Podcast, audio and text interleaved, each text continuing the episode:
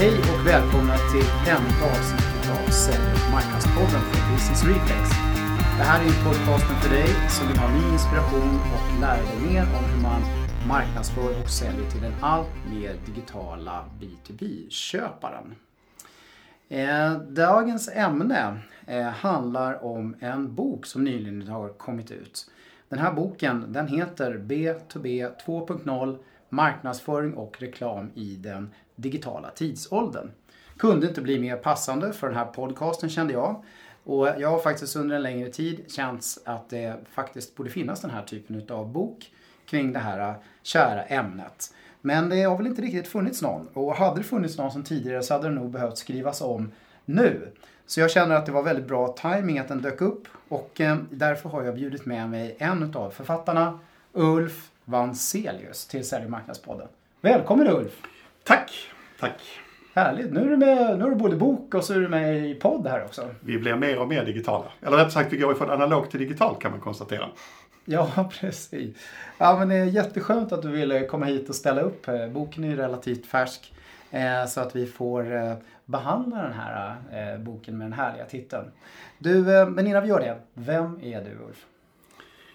Ja, glad skåning, 50 år, 50 år plus, har jobbat med marknadsföring i 25 år ungefär.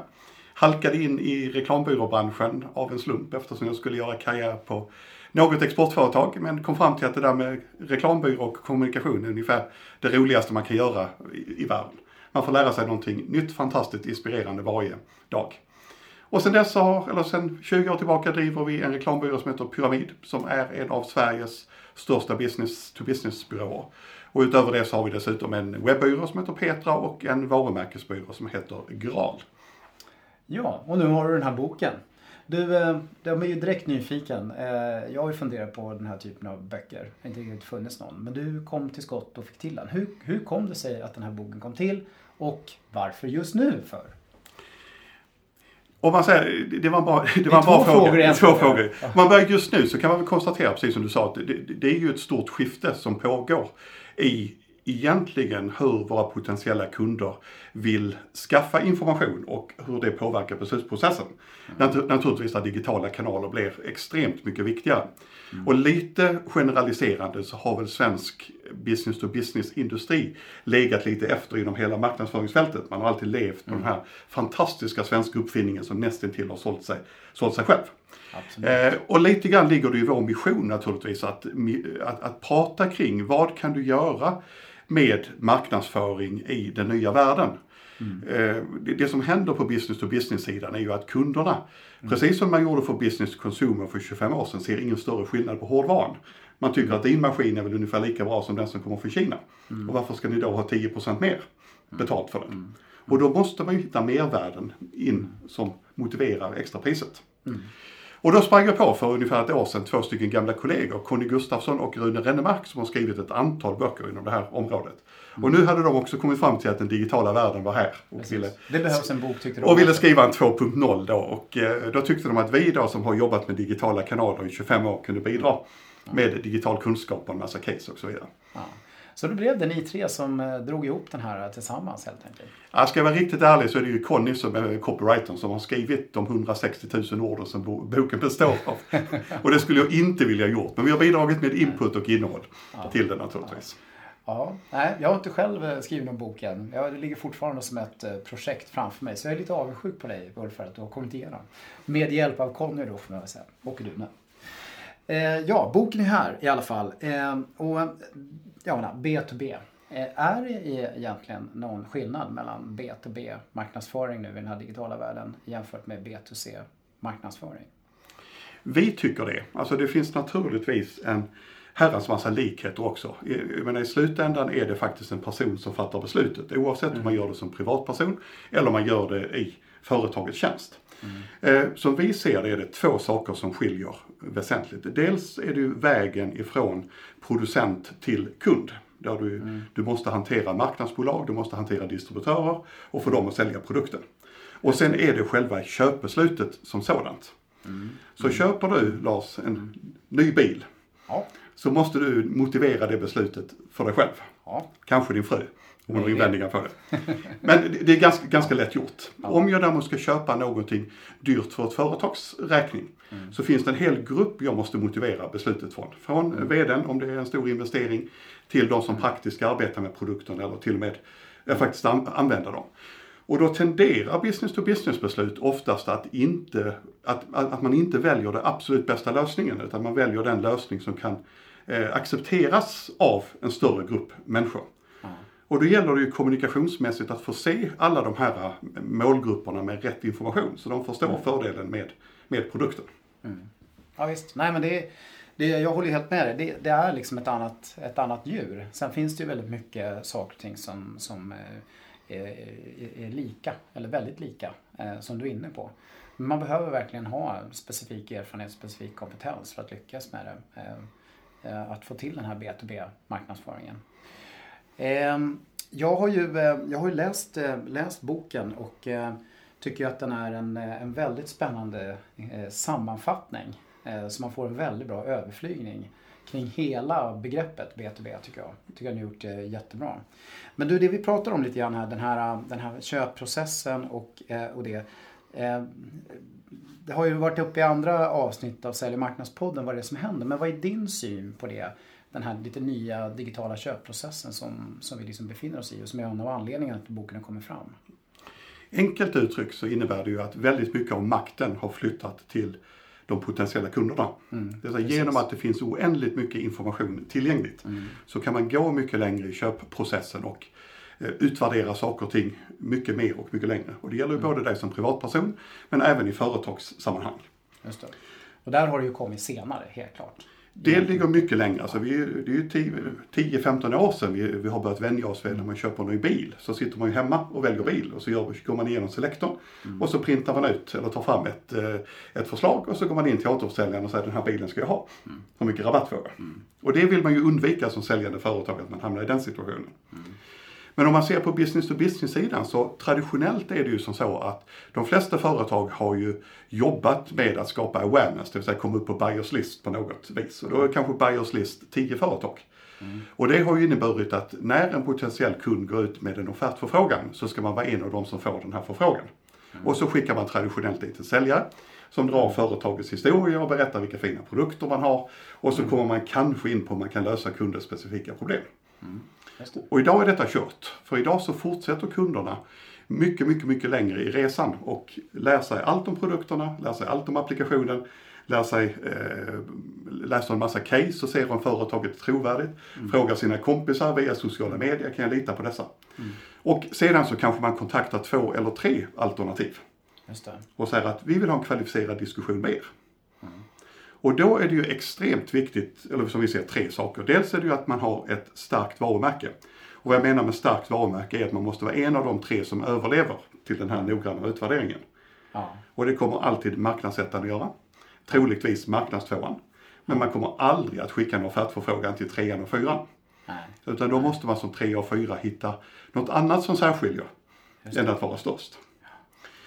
Det andra är ju naturligtvis att den potentiella kunden söker en massa information längs vägen. Mm. Och, man, och, och, och, den kanal som man använder är naturligtvis de digitala kanalerna. Mm. Det vill säga, på webbsidan måste du kunna ge en snabb och tydlig överblick över vad vi erbjuder. Mm. Det måste finnas massor med fördjupande information runt hur man löser specifika problem och vad kunderna tycker och så vidare. Och du måste till exempel kunna jämföra olika produkter. Mm. Det finns ju undersökningar som visar att om du bara har en funktion på din hemsida där du kan jämföra produkter så ökar mm. snittförsäljningen med 17 Mm. Och det är ett krav idag. Mm. För om du inte klarar detta så kommer kunderna hoppa vidare till nästa leverantör. Ja, och det tredje, som vi kanske inte ska prata så mycket om idag, men det är ju säljarens nya roll. Att säljaren måste ju inse att de kunder, potentiella kunder man träffar, de kan extremt mycket mer än vad man kunde för tio år sedan. Ja. Så den där gamla powerpointen som börjar med vem är vi och hur ser vårt produktsortiment ja. ut och så vidare. Det är ju liksom gammal skåpmat. Ja, det är ingen idé att dra den ens en gång. Nej, de blir ju tvärtom förbannade. Det vill säga, de, de kallar ju dit dig för att de vill ha en lösning på sitt problem. Mm. Och då måste du ha läst på om kundens situation och kundens utmaningar för att kunna vara en mm. kvalificerad partner. Mm. Och det här måste ju säljarna se som en möjlighet och inte som ett hot. Mm. mm. Ja, det är verkligen en, en, en upp och nervänd värld i mångt och mycket eh, som, som vi står inför. Som både marknadsförare och säljare. Ja, men det är väl härligt? Ja. Är inte det? Det är väl jättekul. Alltså istället för att skrika och vinna så måste man vara där och locka, föret- eller locka de potentiella kunderna att komma in Men och vilja göra affärer med dig. Ja, det tycker jag var en bra sammanfattning, eh, Ulf. Toppenbra. Du, eh, eh, vi är lite grann, du kretsar kring det här varumärkesbegreppet här. Eh, och eh, det är ju naturligtvis en väldigt viktig komponent också i den här eh, boken. Men eh, vad kännetecknar egentligen ett starkt varumärke som du ser det för ett eh, business-to-business-företag? Mm. och Man ska säga, det är ingen egentligen skillnad mellan business to business och business to consumer. Utifrån ett varumärkesperspektiv? Nej, Ja, eller det. fel. Varför man ska ha ett starkt varumärke. Varför man ska ha det, Ja, precis. För just det. vitsen med att ha ett starkt varumärke är bara att sälja mer. Så du, måste kunna, du ska kunna sälja större volym eller till ett högre pris. Det är enda skälet att ha ett starkt varumärke. Att vara välkänd och omtyckt, det är nice to have längs vägen. Som är ganska trevligt, att man tycker att företag är trevligt. Men om man tar ett klassiskt exempel som vi brukar använda när vi har seminarier. Så. Ja. Om man tar den svenska bilen Saab som var en fantastisk produkt för tio år sedan. Ja, tänk dig som var. Som var, Det ja. känns helt knasigt. Och det finns inte längre, för nu heter den, de inom min generation känns det helt knasigt Yes. faktiskt. Att det är så. Nej, jag skojar. Ja, men det är Eh, så. Men för tio år sedan så ska man säga att alla svenskar kände till Saab. Ja. Alla hade någon form av positiv uppfattning om Saab. Man berättade gärna om Saabs alla uppfinningar med turbon och Mm. nyckeln mellan stolarna och allt detta. Men när man sen ställde frågan till dem, vilken bil kör du? Ja. Så blev svaret ofta Volvo. Ja. Och det var Det- oftare Volvo, det blev ju så. Det blev så. Och det innebär att Saab var extremt välkänt, extremt omtyckt för helt fel parametrar. Det som inte drev försäljning. Och därför gick de i konkurs då. Tar man ett annat exempel som är det, det ungefär rakt motsatta så är det Ryanair, flygbolaget. Det. Alla känner till Ryanair. Alla hatar Ryanair, eller åtminstone har negativ uppfattning om dem. Men de är fortfarande Europas absolut lönsammaste flygbolag. Det vill säga de är välkända, illa omtyckta för exakt rätt saker. Det som driver försäljning. Och Michael O'Leary som är VDn för Ryanair är ju fantastisk på att driva den här, sitt varumärke i den riktningen. Nu senast ansökte han ju om ståplatser på flyget hos FAA, det här officiella flygorganet. Som naturligtvis svarade att liksom sorry, det får du inte, det är en säkerhetsfråga. Och Michael O'Leary gick ut i stora pressreleaser och sa vadå säkerhetsfråga? Kraschar vi så dör vi alla ändå. Vad spelar det för roll om vi sitter eller står? Och då tänker vi, vilken tok. Men de gör ju allt för att hålla nere priset. Och därför, när du ska åka billigt till London en helg, så flyger du med Ryanair. Ja. Och det hjälper inte hur mycket SAS och alla andra sätter in små annonser om att betala ingenting för detta, betala ingenting för detta, betala ingenting för detta. För dig så är ju Ryanair billigt. Ja. Jag tror att det är många som, har, eh, många som gör sina varumärkesresor och lägger ner mycket energi på sina varumärken och så. Men tappar bort en del, av- hel del av den här aspekten som du är inne på. Faktiskt. Ehm, ja, du, eh, svenska företag då. Den här, den här boken är ju skriven framförallt för svenska företag. Den är ju skriven på svenska dessutom. Eh, hur duktiga är svenska företag eh, på, ja, man kan säga digitalisering generellt, men, men på det här med digital marknadsföring och, och försäljning enligt dig Ulf? Hur ser du på det? Är de duktiga? Halvduktiga? Ja, det, är ju, det är ju lite mixat naturligtvis. Om vi går till den klassiska industrin som vi mestadels jobbar med. Så kan man säga att de är egentligen ganska dåliga på marknadsföring rent generellt. Precis, som du var inne på i början. Ja. De har alltid haft den här fantastiska produkten som hela världen liksom står och väntar på. Som man har levt på också. Man har levt på dem. Och, så de har ju en resa i sig att helt plötsligt bli, ska vi kalla det kundorienterade och se det utifrån nyttan för kunden istället för detta. Och i nästa steg så finns det ju då digitala kanaler du kan använda för att understryka det här. Så om man säger som så, det här jag pratade om köpprocessen, det är en diskussionspunkt i väldigt många ledningsgrupper i väldigt stora företag. För att man helt enkelt sitter fast i befintliga system som är väldigt trögrörliga. Sen kan man ju då se de här unga, moderna företagen som har startat utifrån en digital idé. De finns naturligtvis på ett helt annat plan. Alltså om du tar ett Spotify eller vad det är för någonting. De är ju världsledande inom digitala produkter och digitala lösningar. Men det som Dagens Industri till exempel skriver om en gång i veckan nu för tiden, att svensk industri håller på att halka efter i digitaliseringen. De har ju till och med startat en eh, webbsida. Som handlar om detta, ja. Som handlar om detta. Så det, är- det är ju bra faktiskt. Det Och, är väldigt bra. och, det är alldeles rätt, för man kan alltid diskutera vad är efter. Det som jag tycker är det självklara man ska fråga sig, det är ju inte bara hur ska vi kunna komma ik- ikapp andra. Utan här finns ju en oändlig möjlighet att bli väsentligt bättre konkurrenterna. På ett enkelt och billigt sätt. Och det, det jag tycker är så spännande med just svenska företag, om man verkligen skulle satsa på det här med, med eh, modern digital marknadsföring, är ju den att allting handlar ju om att komma ut och vara relevant och bidra och öka liksom förståelse och kunskap och inspiration hos den potentiella köparen. Det är ju det vi snackar om här. Och, och har man mycket på fötterna, bra grejer, bra kunskap, bra kvalitet och alla de här sakerna, då har man ju verkligen någonting att komma med, eller hur? Det är alldeles rätt. Och kunna tillföra ett värde innan de har köpt dina grejer. Det är fortfarande så att... Jämfört med de som bygger på luft. Liksom. Precis. Det är fortfarande så att rätt många stora företag fortfarande håller på att diskutera. Ska vi verkligen lägga ut den här informationen på vår hemsida? Mm. Mm. Där de då inte har insett att idag är information tillgänglig för alla. Mm. Om man inte kan ladda ner den på hemsidan så kommer man garanterat att få den ifrån någon kund som har fått den. Så, så det finns många steg framåt men jag tror jag brukar använda som ett exempel som jag tycker är fantastiskt. Mitt absolut favoritflygbolag är eh, SAS som vi har jobbat med i 15 år. Mm. SAS är ju extremt tidigt in i digitalisering. De byggde stordatorsystem på 60-talet och hade mail redan då. Och lite grann så sitter de fast i den här fällan och har haft problem att göra schyssta webbtjänster som verkligen funkar. Men för fem år sedan bestämde man sig för varför lägger vi inte ett digitalt lager på detta och så utvecklar man deras app. Som jag tycker är marknadens absolut bästa. Så helt plötsligt har du en liten enkel digital lösning som knyter ihop hela SAS erbjudande mm. och som vi älskar. Mm.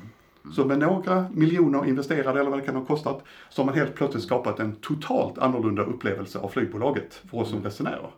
Och det är precis detta som alla svenska business to business-företag kan göra. Och det kostar inte mycket pengar idag. Ja, inte relativt sett. Ja, nej, men det, här, det finns en, det, det, är lite polariserat. Vissa är jättepå, jättetidiga, andra är kanske ganska efter. Men det finns en fantastisk möjlighet. Det är ungefär så vi summerar det. Mobilanpassad webbsida är ju till exempel en sån här sak som väldigt ja. många svenska business to business-företag fortfarande kan fundera, fundera på. Ja, oh ja. Mm. Jo, Google skrev ju om eh, algoritmerna där kopplat till det eh, för inte allt för länge sedan. Det var stora varningsflaggor faktiskt. Ja. Så, ja, visst, det är väl en bra start om inte något annat är lämpligt. Ehm, du, eh, jag funderade lite grann på en del andra sådana intressanta saker. Vi kom in ganska mycket på det här med, med Sverige här nu. Eh, kanske ska fortsätta lite på det temat. Eh, hur är det? Kan man, kan man skapa liksom en global så att säga, marknadskommunikationslösning om man är svensk? Ja, vi är bäst i världen på det. Eller nej, nu överdriver jag lite grann, men vi är väldigt duktiga på det. Och skälet är ju helt enkelt att vi har en extremt liten hemmamarknad och en ja. väldigt stor exportsektor. Ja. Men vi exporterar 40% av BNP och vi har lärt oss att svenska funkar inte mycket längre än till Danmark och Norge, sen så är det, mm. är det stopp. Mm. Så rent generellt är ju kommunikationsbyråer i Sverige duktiga på att skapa internationell mm. kommunikation. Mm.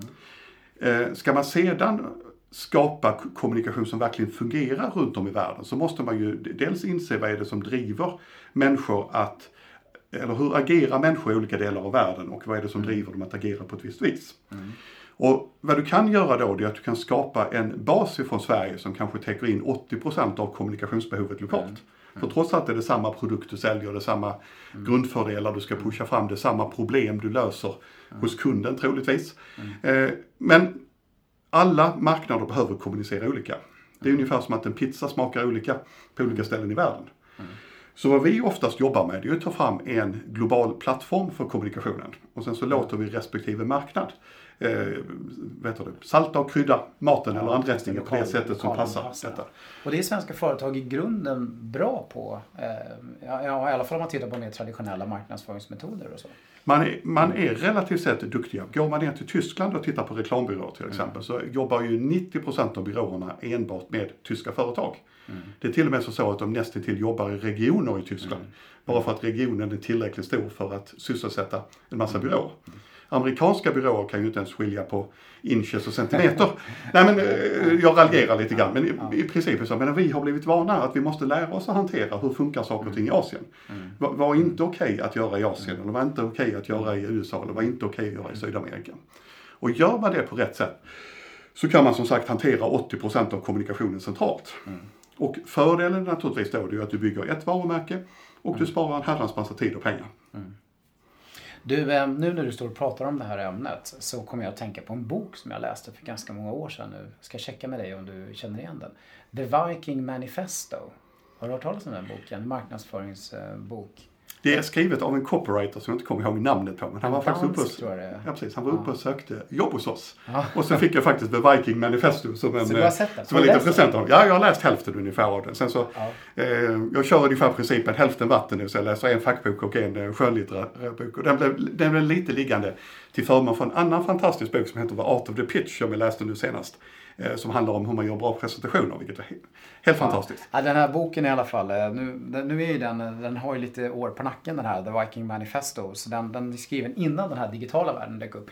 Men för dig som vill ha en liten så här lättsmält, ganska trevlig bok kring marknadsföring kan jag rekommendera den ändå. Därför att den tar en utgångspunkt i att varför är eh, vi så väldigt duktiga på att bygga starka globala varumärken? Och det beror liksom mycket på våran vikingaarv. Att vi var extremt bra storytellers väldigt tidigt och just vana med det här med att resa runt i världen och, och, och se lite grann hur de har det på andra ställen med våra vikingaskepp och så. Eh, och- Erövra olika Ja, marknader och och vi, och sådär. vi skickade bärsärkare först som hade käkat svamp och lite olika sådana saker. Så, och det, det har tydligen funkat. Så det är den här killen du pratar om här. Han skrev den här ihop med en lirare som forskar på det här med vikingar. De ansåg att det fanns en koppling här emellan. Så då kom boken till. The Viking Manifesto. Ja. Eh, en liten parentes där, i den här digitala diskussionen. Men du, eh, då är det ju så att, eh, att det här med varumärket Sverige då. Du tog ju precis upp den. Mm. Alltså en fördel är att vi har haft som en tradition att vi måste åka ut i världen. Ja. Vilket jag tror har gjort oss väldigt populära ute i världen då som Mm. relativt förstående och mänskliga och... eh, Förutom när vi skickar bärsärkare då. Förutom, ja men det, det, var länge, det var länge sedan det. Jag, Ja, det jag satt precis och pratade med en kunds dotterbolag i England som säger nämn inte vikingar här, det funkar inte. Nej, precis. Men, men principen är ju att eh, alla de här rankingarna som finns, alltifrån Interbrands globala studier till alla, så hamnar ju Sverige någonstans på plats 1 till 10 av länderna i världen på ungefär alla faktorer där man rangordnar eh, länder. Och då är det klart att om du är ett svenskt företag så, kan du, så har du en fantastisk tillgång i det. Och egentligen kan man då säga att du kan välja om du ska utnyttja tillgången eller inte utnyttja tillgången. Det som jag tycker är mest spännande det är att det går inte att dölja för om till exempel internationella media ska beskriva ett företag så skriver de ofta The Swedish Telecom Giant Ericsson. Det är som man börjar med landet, kategorin och sen vad heter företaget. Precis. Så oavsett om du vill eller inte så är det känt att du är svensk. Och då kan du se till att väva in de positiva aspekterna från Sverige i ditt erbjudande. Du behöver inte måla din logotyp gul och blå, det är inte så man behöver göra. Men om man tar Hennes och Mauritz till exempel, som inte alls är gul och blå. Så har ju till exempel deras svenskhet blivit ett av deras största argument för att rekrytera personal i USA. Bara genom att säga att ni, ni får vara mamma och pappalediga. Och ni får fyra veckors semester, för så gör vi i Sverige.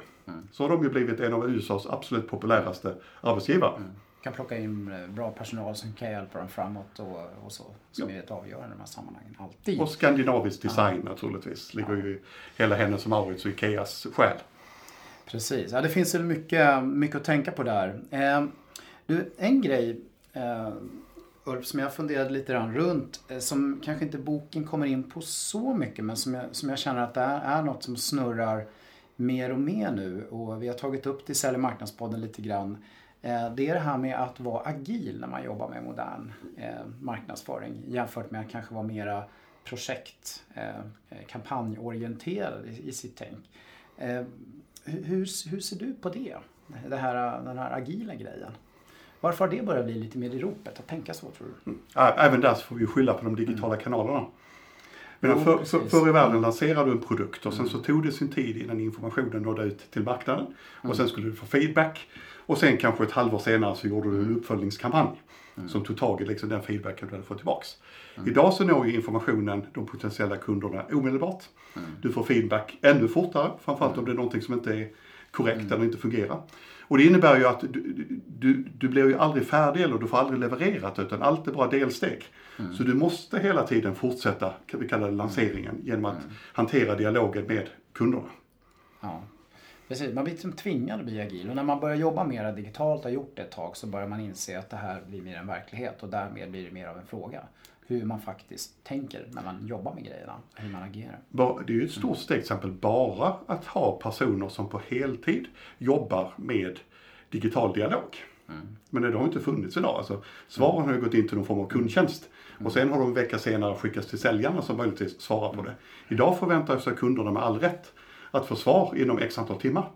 Och det innebär naturligtvis att du måste ha personal som bevakar vad sägs och vad händer och som kan så att säga kommunicera kopplat till, kopplat till det. Eh, ja, superspännande. Jag, jag känner så här lite grann. Ska vi, vi måste ju ge lyssnarna något, något härligt tips. Eh, att ta en titt på den här boken om man vill bli eh, välbevandrad utifrån ett generellt perspektiv när det gäller B2B digital marknadsföring. Då är det en jättebra tips ska jag säga, för jag har läst den. Ja men det är lite väl enkelt, är det inte det? Är det? Ja, kanske det. Nej, jag skojar. jag skojar. Jag tycker faktiskt naturligtvis boken är bra eftersom jag skrivit den. Men Ja. vad jag faktiskt tror är det absolut viktigaste att tänka på, även när man läser vår bok, det är ju att även om man har metodiker och kanaler i ordning, alltså man lägger upp ett program för content marketing till exempel, så får man ju aldrig glömma att det är människor man kommunicerar med i andra ändan. Nej. Och det jag tror alla företag borde fundera på det är ju vad är det som driver potentiella kunders beslut att köpa oss? Om jag skulle fråga dig som gammal marknadschef, hur väljer du byrå? Ja, Så skulle du svara det- kreativitet, strategi och värde för pengarna. Ja, det skulle jag nog säga. Men är det verkligen det? Det vill säga, är det inte att du, du kanske trivs med arbetsgruppen du har träffat? Eller du inser att arbetsgruppen kommer göra ett fantastiskt bra jobb, så jag kommer inte att få skäll i företaget eller bli sparkad. Det vill säga, i alla beslutsprocesser så finns det ju dolda drivkrafter. Och det tror jag är oerhört viktigt att fundera på. Eh, Vi hade faktiskt en ganska intressant diskussion med ett av våra stora kunder. Där vi då var inne och tittade på att innovation tycker de själva är extremt viktigt.